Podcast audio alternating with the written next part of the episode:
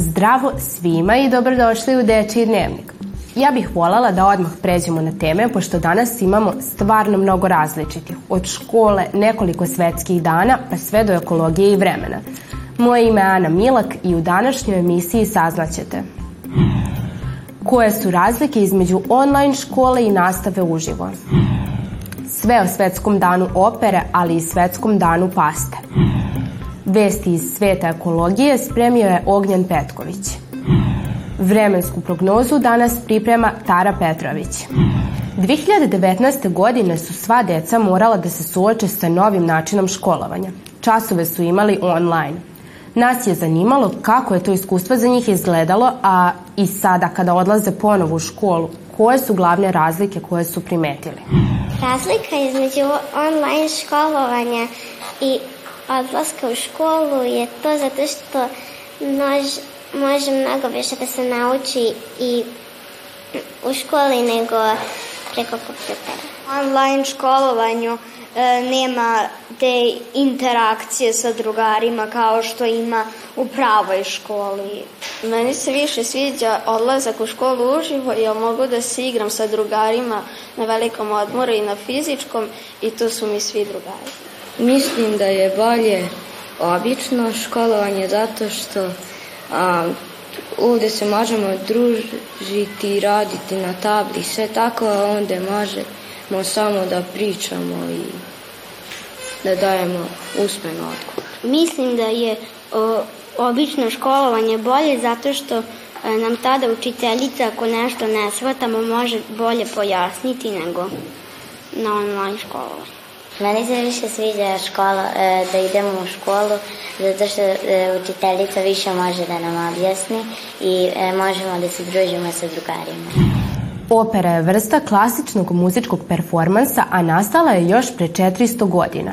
Iako je prošlo toliko vekova, opera je i dalje aktuelna i u današnje vreme. Izabran je baš ovaj dan jer je danas rođendan dva kompozitora u svetu opere i operete, Žoržu Bizeu i Johanu Strausu mlađem. Kako bi proslavili ovu vrstu muzičke umetnosti, obeležava se baš Svetski dan opere. Tada mnogi umetnici i kompanije koje se bave ovim mogu da skrenu pažnju kako opera utiče na ljude i društvo. Pored Svetskog dana opere, danas se obeležava i Svetski dan paste. Sigurna sam da je pasta jedno od omiljenih jela svima nama. Pasta dolazi u šesto različitih oblika poznatih ljudima i njihovi nazivi većinom dolaze iz italijanskog jezika i opisuju njihov izgled, poput spirala, taljatela, špageta.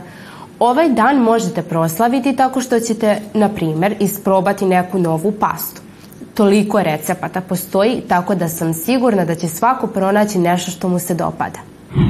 U rubrici Eko vesti prošle nedelje smo pričali o samom pojmu globalnog otopljenja i kako možemo saznati više o tome. Svi znamo da se najbolje uči kroz primere, tako da ćemo danas pričati upravo o primerima globalnog otopljenja koje je istražio naš kolega Ognjen Petković.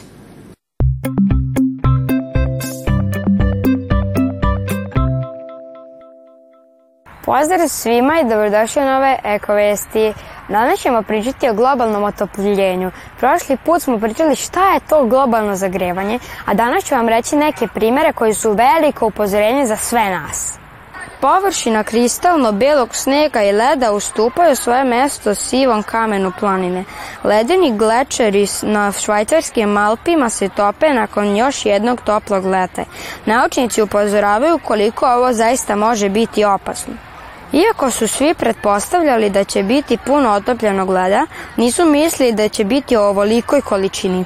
Možda ovo ne izgleda toliko strašno jer je sneg skoro padao, ali leto je bilo previše toplo i dosta leda je izgubljeno. Japan je zabeležio ovaj septembar kao najtopliji u poslednjih 125 godina. Prosječna temperatura u Japanu je bila veća za skoro 3 stepena. To je najviša temperatura još od 1898. godine. Kako su već zabeležena najtoplija tri meseca u istoriji tokom leta na severnoj polu lopti, naučnici su zaključili da je ovo još jedna posledica ljudskog nemara. To se može primetiti i povratkom cikličnog prirodnog fenomena kog su nazvali El Niño iznad Pacifika, još jednim pokazateljem globalnog zagrevanja.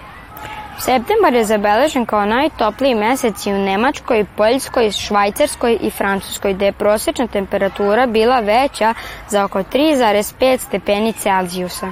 To bi bili neki od primjera klimatskih promjena. Naravno, ne možemo odmah da preduzmemo ništa, ali možemo da učimo male stvari, jer čak i malim stvarima možemo da postignemo mnogo. To bi bilo to od ovih ekovesti. Vidimo se sledeće srede u novim i još boljim ekovestima. Ćao! Naše kolege imaju puno posla oko vremenske prognoze, s obzirom da su se testovi i školske obaveze stvarno nagomilale. Tara Petrović je vredno pripremila sve o sutrašnjoj vremenskoj prognozi.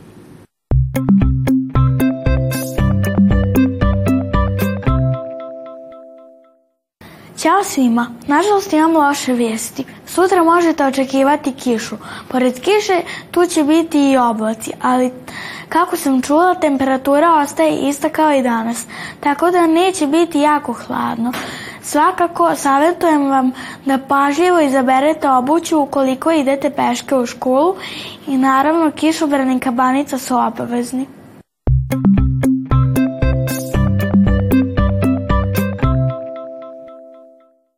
Došli smo do kraja današnje emisije. Nalazimo se na sredini nedelje u sred srede, tako da je ostalo još dva dana do vikenda. Očekuje vas još brojne zanimljive priče do kraja ove nedelje, tako da ostanite uz naš program. Vidimo se, ćao!